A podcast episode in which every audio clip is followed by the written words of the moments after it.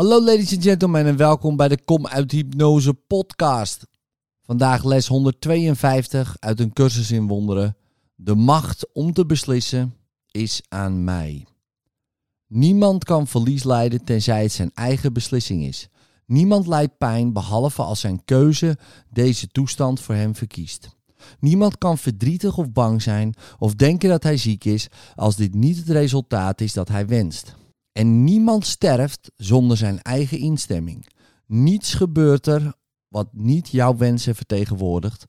En niets wordt achterwege gelaten wat jij kiest. Hier is jouw wereld compleet tot in elk detail. Hier ligt voor jou haar volledige werkelijkheid. En hier alleen is sprake van verlossing. Je gelooft misschien dat dit standpunt extreem is en te veel omvattend om waar te kunnen zijn.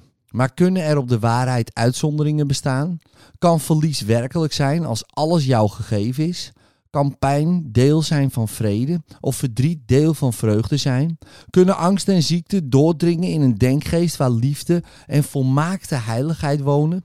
De waarheid moet alles insluiten. Wil ze überhaupt waarheid zijn? Aanvaard geen tegenstellingen en geen uitzonderingen, want wie dat doet, weerspreekt daarmee de waarheid volkomen.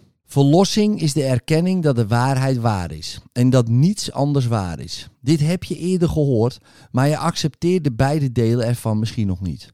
Zonder het eerste heeft het tweede geen betekenis, maar zonder het tweede is het eerste niet meer waar. Waarheid kan geen tegendeel hebben. Dit kan niet vaak genoeg worden gezegd en overdacht. Want als wat niet waar is, net zo waar is als wat waar is, is een deel van de waarheid onwaar. Dan heeft de waarheid haar betekenis verloren. Niets dan de waarheid is waar. En wat onwaar is, is onwaar. Dit is het allereenvoudigste onderscheid en toch het alleronduidelijkste. Maar niet omdat het een moeilijk waar te nemen onderscheid is, het ligt verborgen achter een enorme aaneenschakeling van keuzes die niet geheel de jouwe lijken te zijn. En zo lijkt het alsof de waarheid enkele aspecten bezit die consistentie logen straffen, maar die niets anders blijken te zijn dan door jou ingevoerde tegenstrijdigheden. Zoals God jou geschapen heeft, zo ben jij onherroepelijk en onveranderlijk nog steeds, waarbij voorbijgaande toestanden per definitie onwaar zijn.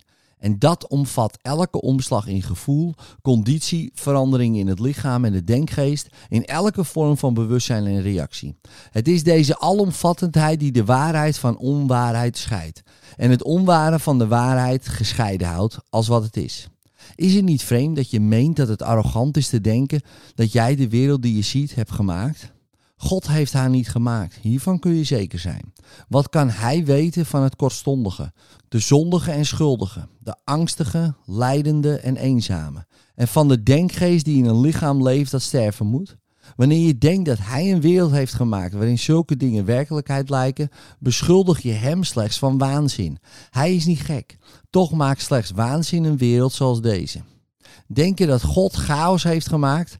Zijn wil weerlegt, tegendelen voor de waarheid heeft bedacht en duidt dat de dood over het leven triomfeert, dit alles is arrogantie.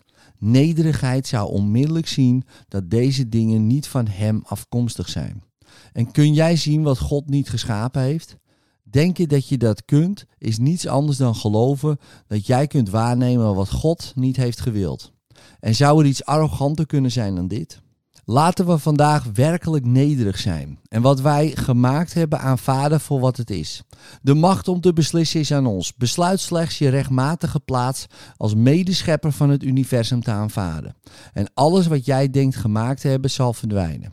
Wat dan in jouw bewustzijn oprijst, zal alles zijn wat er ooit was, voor eeuwig zoals het nu is. En het zal de plaats innemen van alle zelfmisleiding, die alleen maar werd voortgebracht om zich het altijd toe te eigenen, gewijd aan de Vader en de Zoon. Vandaag beoefenen we ware nederigheid en geven de valse pretentie op waarmee het ego probeert te bewijzen dat nederigheid arrogantie is.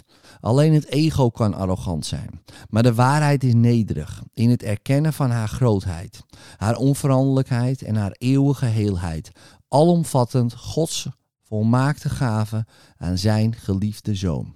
We leggen de arrogantie terzijde die zegt dat we zondaars zijn, schuldig en bang, beschaamd om wat we zijn. En verheffen in plaats daarvan ons hart. in ware nederigheid tot Hem, die ons smetteloos heeft geschapen in macht en liefde zoals Hij. De macht om te beslissen is aan ons. En we aanvaarden van Hem datgene wat wij zijn. En erkennen nederig de Zoon van God. Gods Zoon erkennen houdt tevens in dat alle zelfbeelden terzijde zijn gelegd en als onwaar herkend. Hun arrogantie is gezien. En in nederigheid aanvaarden we vreugdevol dat de straling van Gods Zoon, zijn zachtmoedigheid, zijn volmaakte zonderloosheid, de liefde van zijn Vader, zijn recht op de hemel en op bevrijding uit de hel de onze is. Nu verenigen we ons in de blije erkenning dat leugens leugens zijn en alleen de waarheid waar is. We denken bij het opstaan uitsluitend aan de waarheid en besteden er vijf minuten aan ons in haar wegen te oefenen, terwijl we onze bange denkgeest hiermee aanmoedigen. De macht om te beslissen is aan mij. Vandaag zal ik mijzelf aanvaarden zoals mijn vaders wil mij geschapen heeft. Dan zullen we in stilte wachten en alle zelfmisleiding opgeven, terwijl we nederig onszelf vragen zichzelf aan ons te openbaren. En Hij die nooit is weggegaan, zal opnieuw in ons bewustzijn komen, dankbaar om Zijn woonplaats aan God terug te kunnen geven, zoals die was bestemd. Wacht de hele dag door geduldig op Hem en nodig Hem elk uur uit met de woorden waarmee de dag begonnen is, om die te besluiten met dezelfde uitnodiging aan jouzelf. Gods stem zal antwoorden, want Hij spreekt voor jou en voor je vader. Hij zal de vrede van God in de plaats stellen van al jouw uitzinnige gedachten. De waarheid van God in de plaats van alle zelfmisleiding. En Gods zoon in de plaats van jouw illusies omtrent jezelf. In liefde, tot morgen.